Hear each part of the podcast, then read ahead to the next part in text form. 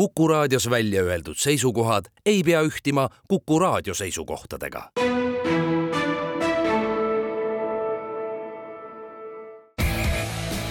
vutikohus.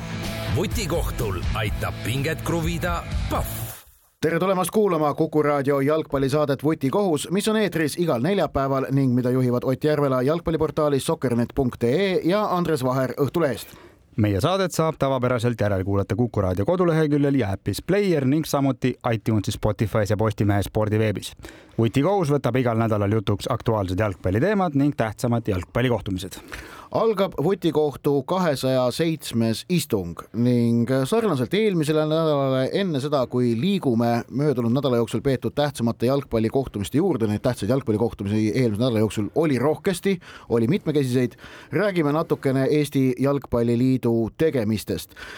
Ja seda siis seoses Eesti Jalgpalliliidu äh, avaldusega, mille nad eile õhtul lõpuks pärast pikka ootamist ja ootust avalikkuse poolt äh, välja lasid, kus andsid äh, no ikkagi vägagi sirgejoonelise sõnastusega teada, äh, mida nad arvavad Venemaa taaskaasamisest U seitseteist asemel Euroopa jalgpalliellu ja mis on üleüldse nende positsioonid Venemaa ja Ukraina konfliktis. Ja noh, nende positsioonide rõhutamist äh, nõudis neilt avalikkuse surve. Ehk et omal algatusel Jalgpalliliit neid, neid äh, oodatud sõnu tegelikult öelda, ütlema ei kippunud. Ja et kulus peaaegu nädala jagu päevi, et selline avaldus, mis, kui oleks see tehtud kohe või siis mm, natuke hiljem pärast seda, kui kohe äh, oleks olnud igati, esimese paari päeva jooksul. igati asjakohane, mõjus, konkreetne ainult positiivsed sõnad. et see tehti nüüd, on kindlasti parem, kui seda ei oleks tehtud üldse. aga kahjuks on kommunikatsioonis sedasi, et kui sa jätad midagi ütlemata või ütled liiga hilja, siis selle mõju on kordades väiksem. ja sellepärast, et eelmise paari päeva jooksul uudisruumi, spordimeedia uudisruumi vallutasid ju tegelikult erinevad arvamused, seal võtsid sõna Eesti Olümpiakomitee, võttis sõna Kultuuriministeerium, võtsid sõna muud sporditegelased ja, ja lõpuks hakkasid sõna võtma ka Eesti Jalgpalliliidu suuremad sponsorid ja toetajad. ja, ja tegelikult see paistis olevat siis see õlekõrs, mis kaameli selja seekord murdis ja, ja pani Jalgpalliliidu, kes ennist oli deklareerinud, et nad ei ähm, deklareeri midagi. just, et nad hoiduvad deklareerivatest seisukohtadest. Äh, pani siis ikkagi lõpuks äh, deklareerivat seisukohta avaldama. ehk et see sponsorite surve tundus olevat lõpuks see viimane asi, mis, mis nagu asju muutis.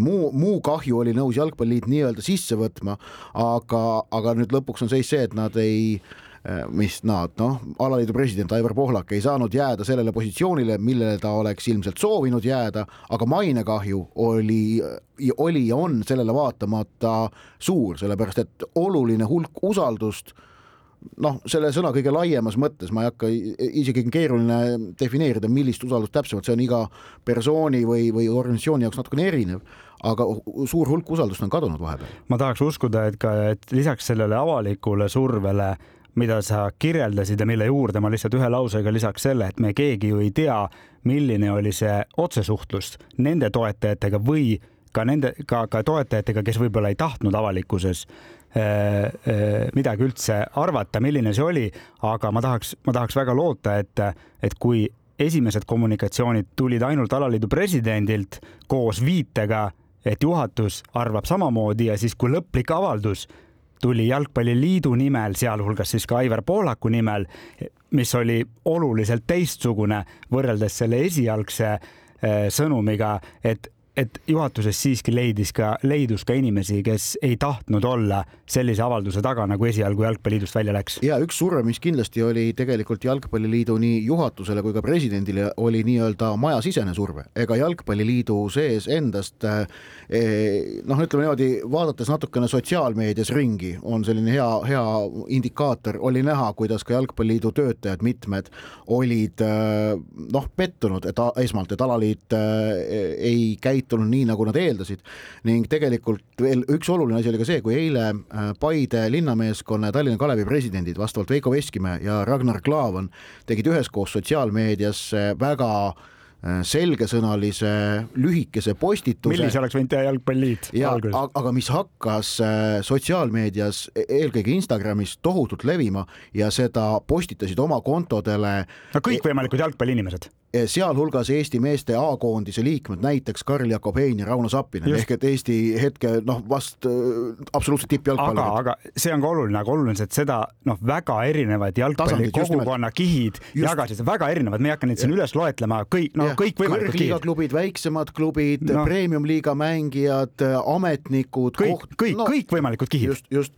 et ja... see, see, see ja kuigi noh, ma, ma usun, et Jalgpalliliidu sees oli otsus, et, et nad selle avalduse teevad selleks ajaks, noh, ma tegelikult tean, et oli juba tehtud, aga see oli veel üks mõjur eh,, miks noh, tegelikult oli kogu jalgpallikogukond eh, noh, kogu, kogu ei saa kunagi öelda, aga väga suur osa jalgpallikogukonnast oli, oli selle esialgse eh, sõnastuse ja sõnumi vastu ja, ja no see on no,. Nad olid selles sõnumis pettunud, see oli liiga napp. aga ma märgiksin ära veel ikkagi ühe asja, et äh, et see praegune juhtum näitas väga selgelt, millist äh, mõju avab äh, omab avalikus ruumis jalgpall, sealhulgas ka Eestis. meil on, meil on rida spordialasid, kelle sportlased käivad rahulikult Venemaa sportlastega võistlemas, ärme praegu tõuse või lange sellesse, et kas see on õige või vale, need on individuaalalade sportlased. ja mitte mingit dispuuti üldse tegelikult avalikus ruumis ühiskonnas ei olegi, see on okei okay justkui aga samas oleme ausad, äh, kohe. kultuuriminister ei ütle mitte midagi. ja, aga ka sõja algusest peale tegelikult ka rahvusvahelises spordielus väga selge joon on tõmmatud individuaal- ja võistkonnaalade vahele, et, et see on. Äh, jah, seal on vahe, loomulikult. seal on olnud ja seal on sümboolne vahe, vaata just nimelt, et võistkonnad on reeglina oluliselt tugevamad sümbolid, kui on individuaalsportlased. ma arvan, see on ka põhjus, miks see vahe on tehtud, miks Venemaa võistkondi ikkagi mitte kuskile tagasi pole lubatud, nüüd see tõesti see U seitseteist äh, jalgpallikoondise osas tehtud erand UEFA poolt ja ka FIFA poolt on nüüd, on nüüd selline jalgpallis selline esimene pääsuke. Jah, et ja kokkuvõtteks noh, tahaks väga loota küll mitte olla naiiv, naiivne ja loota naiivselt, aga et see praegune väga tugev igakülgse avalikkuse surve eh, andis Jalgpalliliidule väga selge signaali, et eh, ei saa olla ühe inimese arvamust, ei saa olla noh, väärtusküsimustes ja moraaliküsimustes ei saa eriti veel olla, aga ka muidu ei saa olla, et ma noh, jah, võib-olla naiivselt, aga ma väga tahaks loota, et siit õpitakse. ja Jalgpalliliidu juhatuse liikmed et kui seal esmalt tuli Jalgpalliliidult teada, et juhatus on kokku leppinud, et neid esindab president Aivar Pohlak, siis äh, ongi, jalgpall on ka Eestis, vaatamata sellele, et praegu noh, rahvusvaheliselt tulemustega on Eestil juba mõnda aega pigem kehvemad lood. jalgpall on ka Eestis ühiskonnas sedavõrd oluline ühiskonna objekt, et Jalgpalliliidu juhatuse liikmeks olemine on avalik amet ja Jalgpalliliidu juhatuse liige ei saa pugeda pressiesindaja selja taha, jalgpalliliidu juhatuse liikmed peavad ise ka äh,. isegi mitte presidendi selja taha, nagu see esialgu nagu justkui oli, kokku lepitud. sõna võtma, just. nii, aga läheme nüüd ka jalgpallimängude juurde, sest tõesti, möödunud nädal oli äh, ägedatest, huvitavatest mängudest tiine ja ma väga isekalt alustan eilsest õhtust äh, kommenteerisin Newcastle United Pariis Saint-Germaini jalgpallikohtumist ja see oli imeline jalgpalliõhtu St James Parkil kakskümmend ja pool aastat oli oodatud, et meistrite liiga sinna staadionile naaseks. viimane sellel staadionil meistrite liigas väravad löönud mees äh, kaks tuhat kolm veebruaris kaabutriki löönud Alan Shearer istus tribüünil ja vaatas, kuidas need mängud seal toimus, kuidas see eilne mäng toimus ja Newcastle United oma poiste toel nüpeldas Pariis Saint-Germaini tähtede paraadi ehk et oma poiste toel pean silmas, et väravad teise ja kolmanda lõid Dan Burn ja Sean Longstaff, kes on mõlemad Jordid ehk noh, Newcastle'i enda kogukonna liikmed, Newcastle'ist endast äh, tippmängijaks sirgunud mehed. Ja ka minul on Newcastle'ist äh, nagu ka sinul vahet, vahetud, vahetud mälestused ehk et kohapeal sai seal ühte jalgpallimängu, millel ka Eesti jalgpalliloos on päris märkimisväärne koht äh, vaadatud aga sa, sa praegu vaimustunult räägid siin Araabia poolsaare duellist. just nimelt, seda, seda sai ka eilse ülekande hakatuseks mainitud, et eh, mängivad Saudi Araabia ja Katar. ehk et eh, Newcastle United on Saudi Araabia, noh, kuningriigi omand, väikeste juriidilised. ka mina ei saanud seda jätta praegu mainima. väikesed juriidilised kehad on seal vahepeal ja, ja. ja suuremad. Eh, just ja Pariis Saint-Germain samamoodi Katari omanduses on. see on kaasaja tippjalgpalli ja. paraku paratamatus, aga sportlikus mõttes nüüd jalgpalli sellest muust muudest tähendustest ja sellest poliitilisest tasandist oleme rääkinud vutikohtus varem, räägime hiljem, aga kui sellele eilse mängu sportlikule tasandile keskenduda, siis ikkagi Eddie Howe meeskonda äh, häälestatus oli, oli täiesti, täiesti hiilgav ning minu meelest oli lisaks, oli see eilne mäng suurepärane näide sellest, kuidas publik ja kodumeeskond koostöös suudavad vastase ära närvutada seal platsi peal, kuidas, kuidas see kogu atmosfäär, mis valitseb, sööb vastase enesekindlust kogu aeg vähemaks ja selle toel see võit Newcastle'ile tuligi. jah, ja me ei räägi mingisugusest vastasest, noh, kellel on see esimesed sammud äh, meistrite liigas, neid klubisid leidub ka vaid Pariis Saint-Germainist, kus noh, ei ole väljakul mitte ühtegi mängumeest, kes ei oleks sellise õhkkonnaga tegelikult kokku puutunud ja korduvalt, aga. no seal olid maailmameistrid väljakul, mehed, kes just, on mänginud kahes MM-finaalis, ühe võitnud, ühe kaotanud. just, et, et noh, et äh,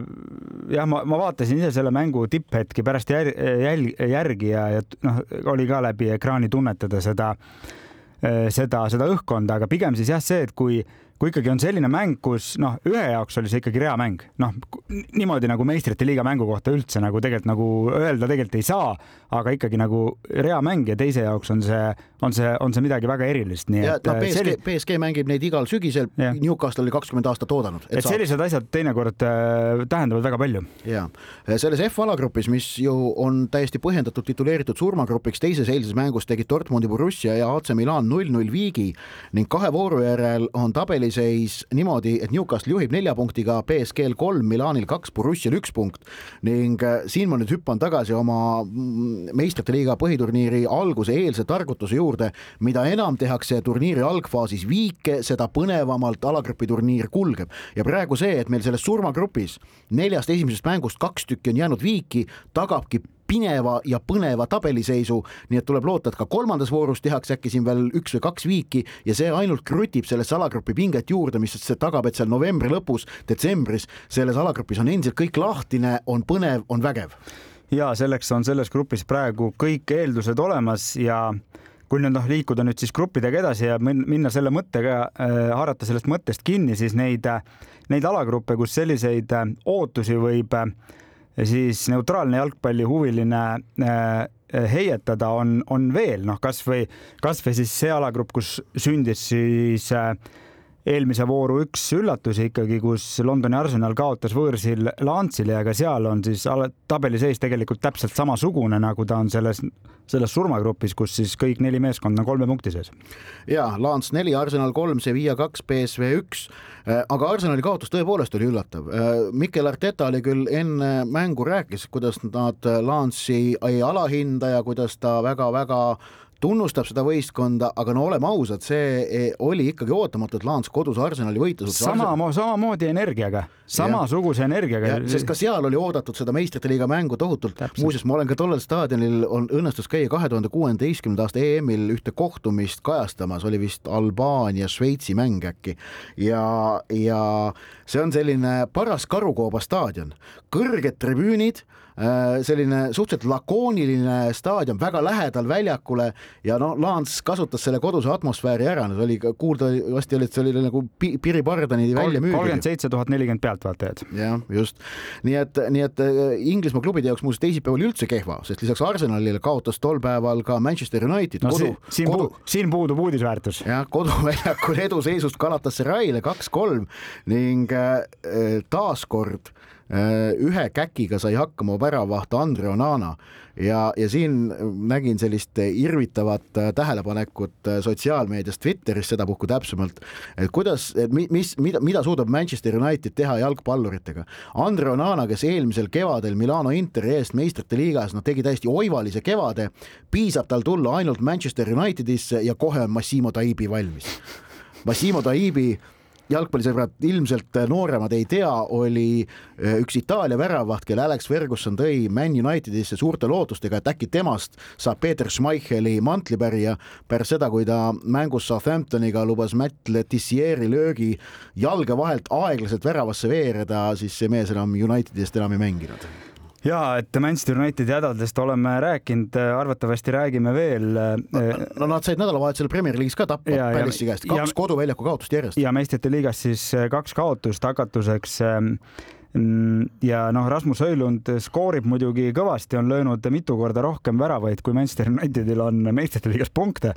No, no tema, tema nagu, tema ongi praegu enam-vähem ainukene. Need olid mõlemad ka meisterlikud väravad, mis yeah. ta, mis ta lõi, aga kasu ei midagi. noh, tema ongi praegu ainukene selline ere tähekene selles Unitedi ülimalt tumedas taevas ja noh, neil alagrupist edasipääsemine on praegu juba ikkagi väga suur väljakutse, sest et Bayernil on kuus, Galatasarayl neli punkti ja United on nulli peal ja neli, nelja mänguga tuleb neli punkti Galatasaray vastu tagasi võtta. kindlasti peavad nad Galatasaray'd võõrsil võitma, see on noh, suhteliselt kindel, sellepärast et äh, muidu on omavaheliste mängudega seis miinuses ja see, see tõotab halba. nii et Unitedi olukord on, on meistrite liigas keeruline ja üleüldse Erik ten Hagil on ikkagi väga noh, hapu seis praegu igatepidi. minu jaoks selle mängude vooru kõige siis kui kaks mängu kokku summeerida, kõige suurema elamuse pakkus üleeilne õhtu ja esmalt siis kohtumine Berliini Union Praga kaks-kolm ja siis selle järel magustoit Napoli, Madridi Real samuti kaks-kolm siis erinevatel põhjustel, noh.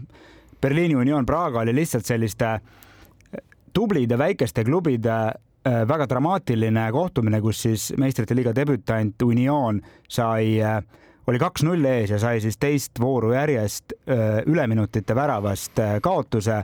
Ja siis õhtune mäng oli lihtsalt järjekordne võimas stiilinäide Real Madridilt, miks nad on Real Madrid korraks hüppan sinna Union Praga mängu juurde veel tagasi, selle mängu alguses oli üks äh, selline tähelepanu vääriv episood.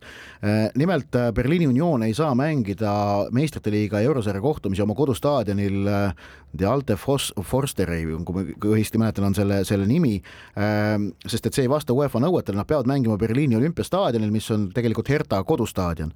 ja siis selle peale olid Unioni fännid suure väga,, väga-väga suure plakati plakati lahti rullinud, teatasid UEFA Stadium Regulations, UEFA does not care about football, they only care about money ehk et uh, UEFA ei hooli jalgpallist, vaid ainult rahast, nad olid pahased, et nad ei saanud mängida oma kodustaadionil. tõsi, tänu sellele, et nad mängisid olümpiastaadionil, mahtus uh, mängu vaatama viis korda rohkem inimesi. just ja see ja kogu see vaatepilt, kui Berliini olümpiastaadion oli punane, oli punane, see on võimas. see oli võimas, see oli võimas, aga, aga see tähe, noh, see seik vääris tähelepanu, aga tõesti siis õhtul põhimäng Napoli, Madridi Real ja noh, Madrid, loogika järgi Madridi Real oleks pidanud selle, ei oleks tohtinud seda mängu võita, arvestades nende väga kehva teist poolaega, aga nad taaskord leidsid mingisuguse võimaluse ja seekord oli selleks Federico Valverde kauglöök ja natukene õnne, mis põrkas seal rikošett, latt, väravahi turi ja sealt sisse oma värav ja kolm-kaks tõsi, esimesel poolel äh, Real oli väga hea, Jude Bellingham esimest poolaega, no see oli super, kuidas ta mängis seda, aga Napoli muidugi oma kodustaadionil äh, Maradona lippude all tuli ja tõusis viigini ja, ja oli tegelikult võidule tundus, et lähemal. Ja et aga, aga lõpuks noh, see ongi, me oleme seda korrutanud ja korrutanud ja mis meil jääb muud üle, kui korrutada ikka ja jälle, et lihtsalt sellistel hetkedel on, kui klassiga võetakse tegelikult täpselt samasuguse klassiga võitis Manchester City eile õhtul võõrsil Leipzigi. Leipzig suutis viigistada teisel poolajal ja siis, siis tõi äh, Guardiola vahetusest mõned uued äh, värsked jalad väljakule ja need värsked jalad, kelle nimedeks siis Jeremy Doku ja Julian Alvarez tegid põhimõtteliselt kahekesi selle mängu ära ja see, ja see ongi, miks, miks no, ühed võidavad. ei, ei ole paha vahetuspinkust on võtta, on ju Julian Alvarezi näol, rõhutan, maailmameister ja, ja Jeremy Doku, äh, noh, me nägime ka Eesti-Belgia mängus, kuivõrd väle see vend on ja äh, omal nahal saime tunda, aga kuidas Doku on tegelikult ka praegu äh, meistrite liigas ja, ja Premier League'is suutnud ennast kehtestada, et noh, väga väärtuslik mängumees Manchester Cityl. nii et, nii et tõesti, Man City sai enda võidu kätte, nemad oma alagrupis erinevalt teisest Manchesteri klubist muu probleemide otsas ei ole, nemad juhivad seda kuue punktiga, Leipzigil kolm punkti ja tegelikult noh, halb uudis eile oli see, et äh, Belgradi Crvena Zvezda ja Berni Young Boys, noh, neile mõlemale oli halb uudis see, et nad tegid omavahel viigi. sellepärast, et see omavaheline viik vähendab nende šansse saada vastu Leipzigile, noh, Man City on selle alagrupi kindel soosik ja ilmselt võitja aga, aga nüüd ongi, et mõlemal on üks punkt ja Leipzig on ikkagi kahe punktiga neist ees. et, et see, see, see ei olnud soodne stsenaarium neile kahele outsiderile, kui nad omavahel viiki mängivad, sest see kahandab alati mõlema šansse kahe parema sekka jõuda. ja siis järjekorras viimases alagrupis Barcelona võttis äh, võõrsil Portos väga olulise võidu noh, ikkagi eeldatavalt suurima rivaali vastu küll miinuspoolele kandus see, et Robert Lewandowski sai vigastada ja siis teises mängus Donetski Šahtar suutis võõrsil null-kaks kaotusseisust, et neid suuri tagasitulekuid oli selles mängude voorus päris palju tulla välja Antwerpeni vastu null-kaks seisust võõrsil ja samamoodi siis kolm-kaks võita nagu näiteks Praga. ja äh, kolm-kaks võit oli üldse või ka Atletico. selle, selle meistrite liiga vooru äh, täielik hitt, sellepärast et kuueteistkümnest kohtumisest viis lõppesid tulemusega kolm-kaks ja neist viiest omakorda neli niimoodi, et võõrsil võistkond võitis kolm-kaks. Galatasaray võitis Man Unitedit, Madridi Real Napolit, Praga võitis Berliini Unioni ja Šahtar võitis Antwerpenit võõrsil kolm-kaks ja siis Atletico kodus kolm-kaks Feyenoordi. Mm, tegin praegu jah kiire arvutuse, et oligi kõige populaarsem skoor. no vot, nii et äh, meistrite liiga tegelikult pakkus selles teises voorus hulganisti vahvaid hetki ning meeldivalt vähesed alagrupid on praegu seisus, kus noh, tundub, et kõik on juba selge, vaid intriigi on, on päris palju igal pool üleval. E, noh, mõne seis on küll väga keeruline, aga, aga ikkagi noh, põnevus on jätkuvalt üleval igal pool põnevus on üleval ka Inglismaa Premier League'is. eriti põnev oli veel ka järgnevatel päevadel pärast kohtumist Tottenham Liverpool. noh, küll jällegi natukene valedel põhjustel. ja äh, no kui ma nüüd peaksime hakkama. sul oli raske seda praegu sisse öelda. kui me peaksime ümber rääkima nüüd selle, mis seal juhtus, siis no me peaksime praegu siin veel kümme minutit saateaega reserveerima. me eeldame, et meie saate kuulaja on enam-vähem kursis, mis olid täpsed asjaolud sellel, et äh, Tottenham Liverpool mängus seisul null-null, Varr eksis rängalt ega ei lugenud äh, Luis Diase väravat ära, vaid, äh, vaid, vaid, vaid lubas mängul jätkuda. selle tagajärg on nüüd olnud see, et, et noh, Jürgen Klopp ütles kuskil, et tema meelest õiglane lahendus oleks kordusmäng, et mäng uuesti pidada. tõsi, Liverpool nüüd ametlikult seda küsinud ei ole, Klopp lihtsalt ütles, et tema meelest oleks. muidugi täiesti selge on see, et mitte mingit varianti selleks ei ole, sellepärast et äh, jalgpallireeglid sätestavad, et varri äh, ekslik otsus on samasugune nagu kohtuniku ekslik otsus. ehk et ekslik otsus äh, väljakul on ikkagi, kohtuniku otsus on lõplik ja see on üks osa mängust. teine asi oleks kui äh, äh, reegleid rakendatakse valesti ja, ja see oleks olnud just nimelt siis, kui oleks takkajärele mäng uuesti seisma pandud ja see värav ikkagi ära loetud, siis oleks olnud see reeglite teadlik rikkumine ja vot siis oleks tekkinud variant, et see mäng tuleb uuesti mängida. ehk et noh, Liverpool pärast seda, kui kohtunikud olid pange pannud tegelikult neil ei olnud enam varianti selle, seda väravat tagasi saada. just ja minu jaoks ongi tegelikult kogu selle no ma nimetan seda sõnaga kammaja. no õigesti nimetad. kogu selle kammaja, noh, kus ongi, ongi väga palju erinevaid toone ja arvamusi ja nii on, las nii olla, see on okei okay.. aga nagu sõlmküsimus ongi see, et kas kuidagi ja kuidas on võimalik selline olukord reeglite pärast ja, ja ma rõhutaksin inimmõistuse ja jalgpalluri inimmõistuse päraselt äh, teha selliseks, et pärast sellist viga, kui kohtunik seda taipab on võimalik see viga sealsamas ja kohe parandada. see on võt-, võtmeküsimus, see tuleb lahendada äh,. aga noh, tegelikult äh... niimoodi, et sellest ei ole talle probleemi, kellelegi probleemi, panen mängu seisma viis sekundit hiljem ja äh, vot tegelikult ei ole võimalik. no ma, peab olema, kuidagi peab, sest see on. tegelikult ei ole, sellepärast et, et siis on ikkagi, kui, kui avada see uks siis äh, kui see uks on lahti, siis ei ole võimalik no,. kustmaalt see nagu läheb? Nagu... Seda ei ole võimalik enam haaki panna, vaid, vaid, vaid ta jääbki lahti ja seal võib hakata see lõputu tagasikerimine. sellepärast Varris on ju algusest peale pandud paika just nimelt see, et kui, kui mänguga on jätkatud, siis on kõik, siis enam mitte midagi muuta ei saa, et see on Varris algusest peale see põhimõte kehtinud ja tegelikult noh, ma ikkagi rõhutan, et, et et sarna, ütleme sarnaseid saatuslikke eksimusi Varr on teinud teisigi, aga kui ohvriks pole olnud Liverpool, pole avalik äh,, avalik äh, pahameel äh, olnud kaugeltki sedavõrd suur, sellepärast et Liverpool on tohutult mõjukas jalgpalliklubi, kes mängib selle kaasuse puhul praegu väga selgelt ka avalikkuse nii-öelda süütundel, proovides, ma arvan, täiesti teadlikult ja noh, ei saa seda neile ju ette heita, tekitada mentaliteeti, et nemad on olnud ebaõiglane ohver, et seeläbi mõjutada kohtunike otsusi alateadlikult tulevikus tulevikus ja seeläbi saada endale soodsamaid otsuseid ning samamoodi Liverpooli äh, jalgpalliklubi on teatavasti linna esindusfiguur ja Liverpooli linn Inglismaal on üldiselt keskvõimuga väga pikka aega väga erinevates küsimustes alati opositsioonis olnud. Need kõik asjad, vot sellised sotsiaalpoliitilised asjad jooksevad ka praegu selle otsuse juurde kokku. jah, et tegelikult on noh, nagu me oleme ka ei, ma ei ütle seda mõtet praegu üldse puhtalt selle mängu kontekstis, aga oleme ka siin varem öelnud, et, et kahjuks selliseid teemasid arutatakse siis, kui jutt käib mingist väga suurest mängust, oleks seal toimunud praegu näiteks Burnley Newtoni mängus yeah., see avalik diskussioon ei oleks noh no, võr, viis-kuus korda väiksem. võrrelda, oleks muidugi räägitud ja arutatud probleemi, aga oluliselt vähem emotsiooni emo,, emo, emotsiooni, emotsioonid. mis puudutab ümbermängimist, siis et noh, ümber tuleks mängida kahtlemata ka kahe tuhande kümnenda aasta jalgpalli MM-i kaheksandikfinaali Inglismaa-Saksamaa, kus Lampardi löök läks meetri üle väravajoone ja oleks teinud seisuks kaks-kaks ning samuti tuleb ümber mängida tuhande üheksasaja kuuekümne kuuenda aasta MM-finaali Inglismaa Inglismaa ja Lääne-Saksamaa vahel Wembley'l, sest Joe Fursti lööki üle väravajoone ei läinud, ühtlasi selle jaoks, et see mäng äh, ümber tule, üm-, et seda mängu saaks ümber mängida, on meil vaja noh, enamik jalgpallureid surnust üles äratada ja ellu kutsuda uuesti Lääne-Saksamaa. Nii, aga kui minna sportliku poole juurde, siis juhtus lisaks sellele, et Tottenham võitis Liverpooli veel väga märkimisväärseid asju, kaks meeskonda senisest esikolmikust kaotasid liider Manchester City kaotas äh, Wolverhamptonile üks-kaks ja seni kolmandal kohal asunud Brighton kaotas, no ikka sai ikka rämeda koslepi Birminghamis üks-kuus Aston Villalt, see oli ikkagi, see oli ikka, see oli ikkagi nagu täisküttel äh, saunas vihtlemine ikka, ikka haledal kujul, nii et praegu. ja, ja, ja Man United sai Palace'i käest null-üks. no seda ka veel no see oli tavaline no. nojah, nojah, ja hetkel on siis äh, tabeli tipp seitsme vooru järel selline, et kuue, kuus esimest meeskonda on kolme punkti sees. Manchester City, Tottenham, Arsenal, Liverpool, Aston Villa, Brighton, nii et kõik on väga põnev. vutikohus, vutikohtul aitab pinget kruvida Pahv vutikohtu kahesaja seitsmes istung jätkub ning räägime nüüd rahvusvahelisest jalgpallipoliitikast, sellepärast et eile ja üleeile tehti erinevates jalgpalliorganisatsioonides väga olulisi otsuseid, mis puudutavad kahe tuhande kahekümne kaheksanda ja kahe tuhande kolmekümne teise aasta Euroopa meistrivõistluste finaalturniiri ning kahe tuhande kolmekümnenda ja kahe tuhande kolmekümne neljanda aasta maailmameistrivõistluste finaalturniiri.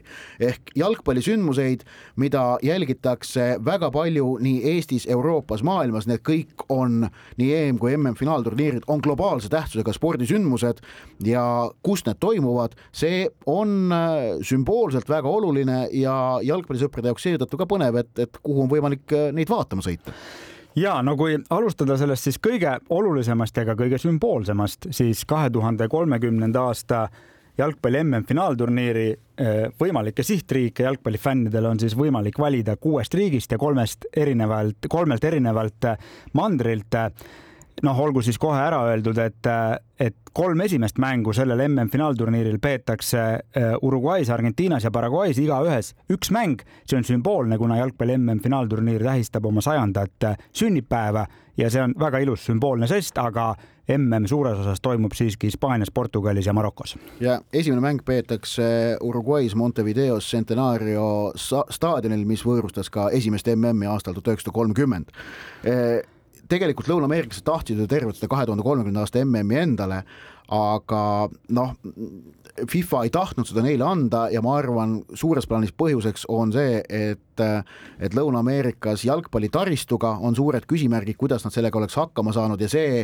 see, see oligi peamine, peamine küsimärk. Ja sinna juurde kõik turvalisus, ei ole niivõrd palju moodsaid staadione seal võtta ja ilmselt ei tahetud riskida, seepärast antakse neile sümboolselt need, need mängukesed ja mm tuuakse tegelikult ikkagi Euroopasse. selle MM-i kese saab asuma Hispaanias Portugal ja Maroko on siis nii-öelda kaas, saatebändid. kaasteenindajad, täpselt nii nagu on Mehhiko ja Kanada kahe tuhande kahekümne kuuendal aastal Ameerika Ühendriikide puhul äh, nii-öelda kaasteelised, aga rõhutame, et need MM-id koosnevad juba saja neljast kohtumisest. senised MM-id on olnud kuuskümmend neli mängu, nüüd on sada neli mängu, sest on kaksteist alagruppi, nelikümmend kaheksa riiki, kaksteist alagruppi ja sinna otsa sõelmängud, kus on veel lisaks äh, kaheksandikfinaalidele ka kuueteistkümnendikfinaalid. Eh, ehk et neid mänge jagub igale riigile rohkesti, selles ei ole mitte mingit küsimust küsimust Hispaanias ja Portugalis äh, noh, toimuv MM-finaalturniir Euroopa jalgpallisõpradele on kahtlemata hea uudis. see on, äh, see on väga rikkaliku jalgpallikultuuriga piirkond, mul on olnud õnn mõlemas riigis ise ka niisama ütleme jalgpallituristina mänge käia vaatamas klubi kohtumisi. seal on väga palju sellist jalgpalli armastust peidus erinevates väiksemates ka linnades, mitte ainult Barcelonas, Madridis ja Lissabonis, vaid ka väiksemates kohtades. Ja see, ma usun, usun, muudab äh, selle turniiri kenasti ka kompaktseks, mis on ka samuti oluline, et Hispaania ja Portugal ikkagi on selline suhteliselt äh, noh, väikene piirkond võrreldes Ameerika Ühendriikidega. no on võimalik käia mõlemas või võrreldes Jaapani ja Lõuna-Koreaga, kus noh, oli no, ka keeruline. sai ise käidud, aga. Kataris, Kataris oli mõnevõrra kompaktsem, tõsi. jah, usun jah. ja et kui nüüd tõmmata seda MM-finaalturniiride teemat veidike ühtpidi koomale, teistpidi laiemale, siis äh, tuletame siis kuulajale meelde, et äh, järgmine MM-finaalturniir ehk siis noh, Ott juba seda enne ka mainis, et siis kahe aasta pärast M või vabandust, kolme aasta pärast MM-finaalturniir mängitakse siis Põhja-Ameerikas ehk et USA-s, Kanadas ja Mehhikos. kahe tuhande kolme, kolmekümnenda aastaga on ka nüüd äh, selge, mis tähendab, et kahe tuhande kolmekümne neljandal aastal mängitakse Saudi Araabias jah, nii on ähm,. ilmselt äh, on, lood, äh, on väike variant, et ei ole äh,. selgitame lühidalt ära. FIFA reeglid näevad ette, et ükski maailmajagu ei tohi MM-i võõrustada sagedamini kui üks kord kaheteistkümne aasta jooksul. kaks tuhat kakskümmend kuus Põhja-Ameerika mängust väljas kolmekümne neljanda aasta MM-i silmas pidades ja kolmekümnendal Euroopa ja Aafrika võõrustavad, sest Maroko on Aafrika esindaja ja Lõuna-Ameerika võõrustab ka ähm, ja need kõik kolm maailmajagu ka mängust väljas, mis tähendab, et kahe tuhande kolmekümne neljanda aasta jaoks jäävad alles ainult Aasia ja Okeaania. no Okeaaniasse kuulub arvestatavates riikides, kellel natukenegi korraldamisvõimekust ainult Uus-Meremaa. sest tuletame meelde, et Austraalia kuulub jalgpalli maailmas Aasia just alla. just nii, mis tähendab, et kaks tuhat kolmkümmend neli mm noh, toimub Aasias. ja, ja kes on kandidaadid, kes on potentsiaalsed kandidaadid sellisele suurele üritusele Äh, noh, Hiina oleks, aga oleme ausad, Hiina huvi jalgpalli vastu on pärast kahe tuhande kümnendate sellist buumi selgelt taandunud. Indial on jalgpalli tase ikkagi niivõrd kehv, et sinna seda turniiri viia ei usaldata. Kagu-Aasia ühispakkumine eesotsas Indoneesiaga, äkki seal mõned muud riigid juurde, on sama, ütleme noh savijalgadel, nagu oli see Lõuna-Ameerika oma, aga seal on taristu ja turvalisusega suured probleemid, transpordiga samamoodi. ja, ja siis jäävad üle meil Saudi Araabia kes on valmis kogu selle lõbu kindlasti kinni maksma ja veel hulgaliselt peale raha maksma. ja minu meelest ainukene reaalne variant, kes suudaks Saudi Araabiale panna adekvaatse vastuse, oleks Austraalia, võib-olla koos Uus-Meremaaga, võib-olla üksinda. Nad tegid koos naiste MM-i asja, neil koostöö mõttes on äh, asi olemas. Austraalias on olemas taristu, Austraalias on olemas kõik need asjad, mida Saudi Araabial ei ole, demokraatia, inimõigused, nendega on seal kõik okei okay tõsi, äh, FIFA jaoks ilmselgelt oleks eelistatud variant Infantino jaoks Saudi Araabia, see tagab FIFA-le suurema sissetuleku. ja sa ei maininud Katari, kes alles võõrustas MM-finaalturniiri ja seetõttu noh, igatepidi ei ole reaalne variant. Araabia Ühendemiraadid oleks teoreetiliselt, aga ma ei usu, et Araabia Ühendemiraadid tahab Saudi või hakkab Saudi Araabiaga sellepärast äh, võitlema nii. no ehk... Jaapan, Korea ka veel, aga noh, nad ei ole viimasel ajal niivõrd siirast huvi näidanud. ehk et noh, teadmata küll kas üldse Austraalias ja siis seeläbi ka Uus-Meremaal on mingisugune valmisolek või tahe seda teha, aga see, see nii-öelda, see oleks, see oleks nagu äge duell, jälgida, kuidas FIFA selle, selle ära majandab, sellepärast et tegelikult oleks ju praegu Austraalial võimalik seda saada, järgmine võimalus tekib alles kuskil paarikümnendi pärast. jah, kaks tuhat nelikümmend kaheksa just nimelt, et, et noh, ja Austraalia on väga sporti armastav riik see on maailma äkki isegi kõige, kõige enam tippsporti armastav ja hindav riik. ja, ja see oleks vägev, aga, aga noh, ühesõnaga paistab nii, et Infantino on asjad mänginud niimoodi, et see mm läheb Saudi Araabiasse. aga, aga räägime Euroopas juhtuvast ka. Äh, on paigas see, kus meil on ülejärgmine ja üle-ülejärgmine mm, EM toimuvad ja et äh, ehk siis EM-id kaks tuhat kakskümmend kaheksa ja kolmkümmend kaks, nendest jutt käib. Äh, ka seal oli sellist päris palju manööverdamist, kabetamist ja ma alustaks võib-olla tagantpoolt ehk et tegelikult sellist suuremat võib-olla avalikku tähelepanu on pälvinud äh, Briti riikide ühishange, kus siis on kõik viis äh, Briti, Briti riiki, ei hakka neid siin üles loetlema, kõik teavad, millised. ära nüüd Iirimaad. Briti riigiks no, küll nimeta, see, see, see tekitab suurt, suurt pahameelt. ma nimetan seda ikkagi Briti ühishankeks no.. no Briti saarte, jah no,, niimoodi on vast õige. Briti saarte, Briti saarte ühishange ehk et äh, et kuna siis nüüd äh, äh, sellega, sellega seoses Itaalia ja kes meil oli, Türgi, eks yeah.? Itaalia ja Türgi äh, tahtsid teha algul eraldi, aga lõpuks siis Türgi poole pealt eelkõige saadi aru, et äh, selle Briti saarte ühishanke vastu ei ole võimalik minna, siis on Itaalia ja Türgi nüüd ka ühes paadis, nii et äh, see puudutab siis nüüd kaks tuhat kakskümmend kaheksa EM-i. seal, seal oli ka UEFA kontoris tehti ka niimoodi, prooviti leida lahendused, kõik on õnnelikud. Äh, noh, inglastega ei tahetud konflikti minna ja inglastele noh, oldi enam-vähem lubatud, et kui te kahe tuhande kolmekümnenda aasta MM-i enam ei noki, siis me kahekümne kaheksanda aasta EM-i teile anname ja see neile ka antakse.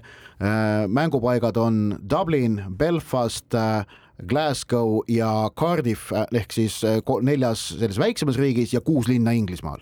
Äh, muuseas ei mängita ei Old Traffordil ega Anfieldil, vaid mängitakse Etihadil ja Evertoni uuel staadionil. näiteks kuidas on asjad jagatud Manchesteris ja, ja Liverpoolis.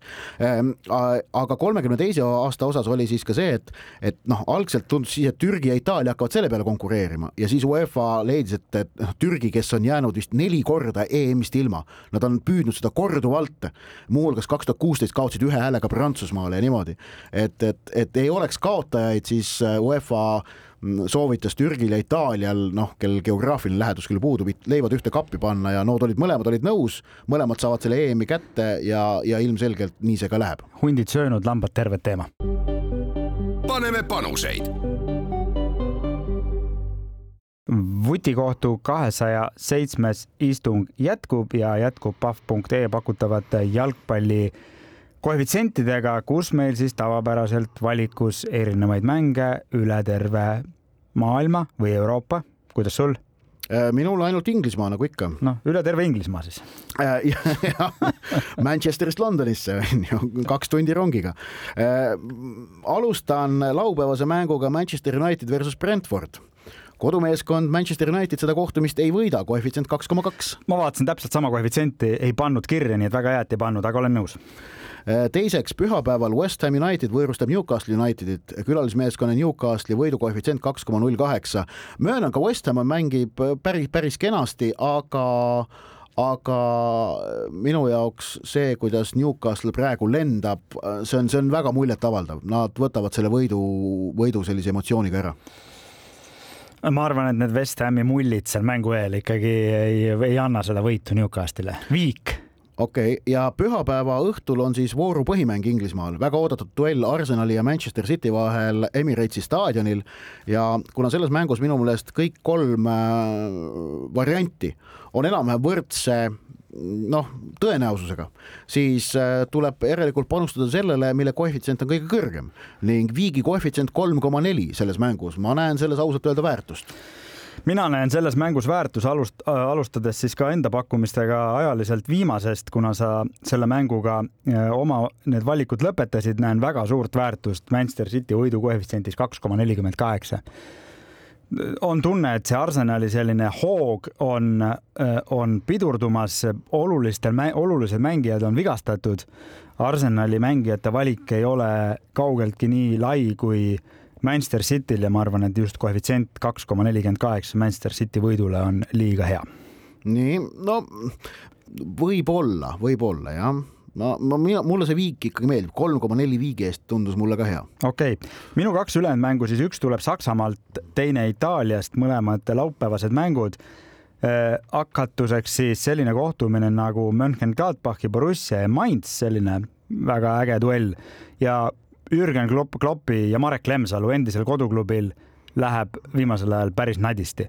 seetõttu siis Mönchengladbach võidab selle mängu nii esimese poole järel kui teise poole järel koefitsiendiga kolm koma neli aga, aga Mönchengladbachi hooaja algus pole ka ju teab mis. aga parem kui Mainzil.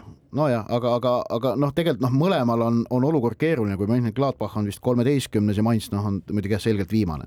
aga, aga hüva, nii ja viimaseks. ja viimaseks siis äh, laupäeva õhtune Torino darbi, Torino Juventus, FC Torino no siin loomulikult tuleb kaartide sadu üle, üle, üle nelja kaardi, kaks koma üks. kus see on, kõlab nagu, kõlab nagu väga kindla peale minek. maast leitud raha. paneme panuseid vutikohtu kahesaja seitsmes istung alustab oma lõpusirgega ning vaatab nüüd otsa mängudele, mis eeloleval nädalavahetusel Eesti ja Euroopa jalgpalliväljakutel peetakse. järgmise kesknädala mängudest me ei räägi, sellepärast et pärast pühapäeva siirduvad äh, klubide parimad pojad oma rahvuskoondiste juurde. kõik hakata... ei siirdu parimad pojad no., et, et, et hakata valmistuma koondise aknaks.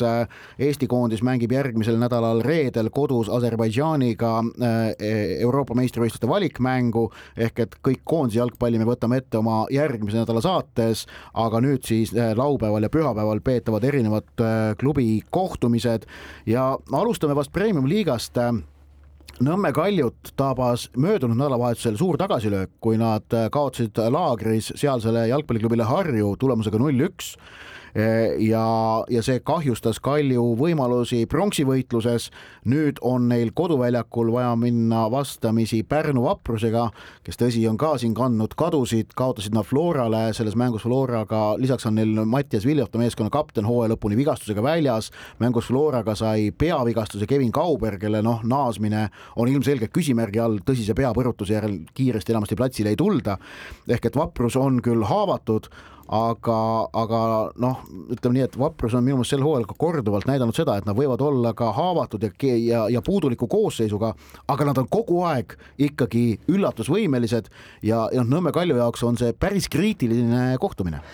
Ja et need ähm, praegu on praeguses olukorras on see, see vapruse hüüdnimi ehk et vaprad karud on väga-vägagi iseloomulik, kui hooaja eel või hooaja alguses vaprus hirmsa hooga minema kihutas ja kõigile üllatusena tuli siis Igor Prins rõhutas seda, et meil on hooaja lõpuks vaja sügavust nüüd on see olukord käes tegelikult, et väga olulised mängijad äh, on meeskonnast puudu, sellist noh, väiksema äh, koosseisuga klubi, see mõjutab palju rohkem kui isegi Florat tegelikult praegu.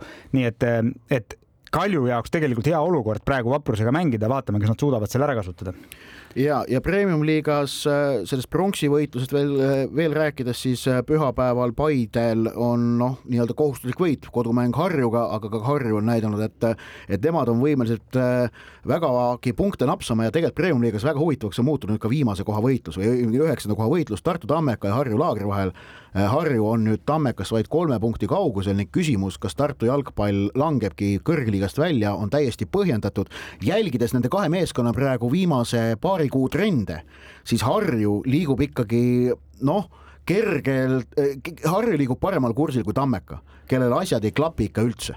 jah, aga need kolm punkti on vaja ikkagi, vähemalt kolm punkti on vaja tagasi teha ega see noh, nii lihtne ei ole ka, lihtsalt põnevamaks on läinud, aga. viimases voorus on nad omavahel vastamisi. ja omavahel ja kusjuures siis ka selgub see omavahelistamine ehk et kas Harjule võidust nagu piisab, äh, mis ei pruugi ka veel kindel üldse olla, nii et aga jah, sa mainisid selle ära, aga kindlasti ka siis laupäevane teine mäng Kalev Levadia on, on väga oluline siis mõlema jaoks nii pronksiheitluses kui, kui kullaheitluses, nagu ka siis laupäeva kõige viimane mäng äh, Flora Kuressaare. seal ma tõsi küll näen, et noh, Levadia koperdamisšansid sel laupäeval on oluliselt suuremad kui Flora omad, sellepärast et noh, Kalev on hea ja heas hoos jätkuvalt, aga Kuressaarel on samamoodi noh, see hooaeg asjad ei, ei ole toiminud, noh, neil väljakukkumisohtu ei ole, aga, aga seda mullust viiendat kohta nad ka enam püüda ei suuda. et Eestis on siis sellised mängud ootamas, aga muidugi on tähtsaid mänge mänge tulemas ka, tulemas ka Euroopas. no äh, Tottenham Hotspur jätkab oma, ma julgen öelda küll, imelist hooaega, mis see seni on olnud äh,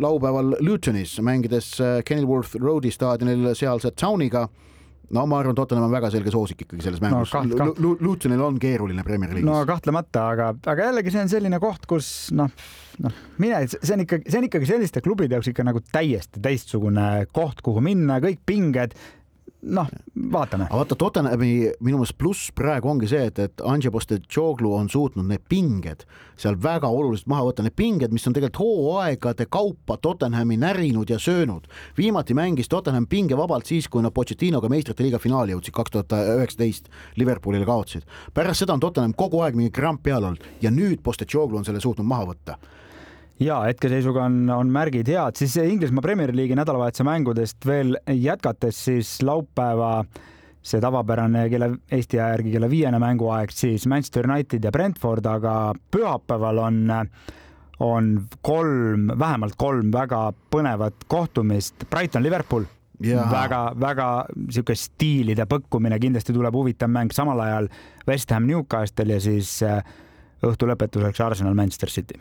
ja äh, teie mujalt äh, Euroopast jalgpalli vaadata armastavatel sõpradel tasub äh, pühapäeva õhtul silm hoida peal näiteks Hispaanial, kus Madridi Atletico, kes on tõusnud päris heasse hoogu, võõrustab Real Sociedadi, kes on samuti heas hoos ja õhtu lõpetuseks võib vaadata, kuidas Pariis Saint-Germain taas kord raskustes on, sellepärast nad mängivad võõrsil Renniga ja Pariis Saint-Germain ongi viimasel ajal kogu aeg raskustes, ükskõik, kes on vastane. ja, ja kohe ilma, ilma naljata, et Pariis Saint-Germain asub Prantsusmaa liigas viie vooru järel, vabandust, ja seitsme vooru järel viiendal kohal. no hea küll, liidriga on vahe küll kaks punkti, ei ole üldse tavapärane ja tavapärane ei ole ka see, et Prantsusmaa liigas on esikolmikus sellised meeskonnad nagu Brest ja Reims.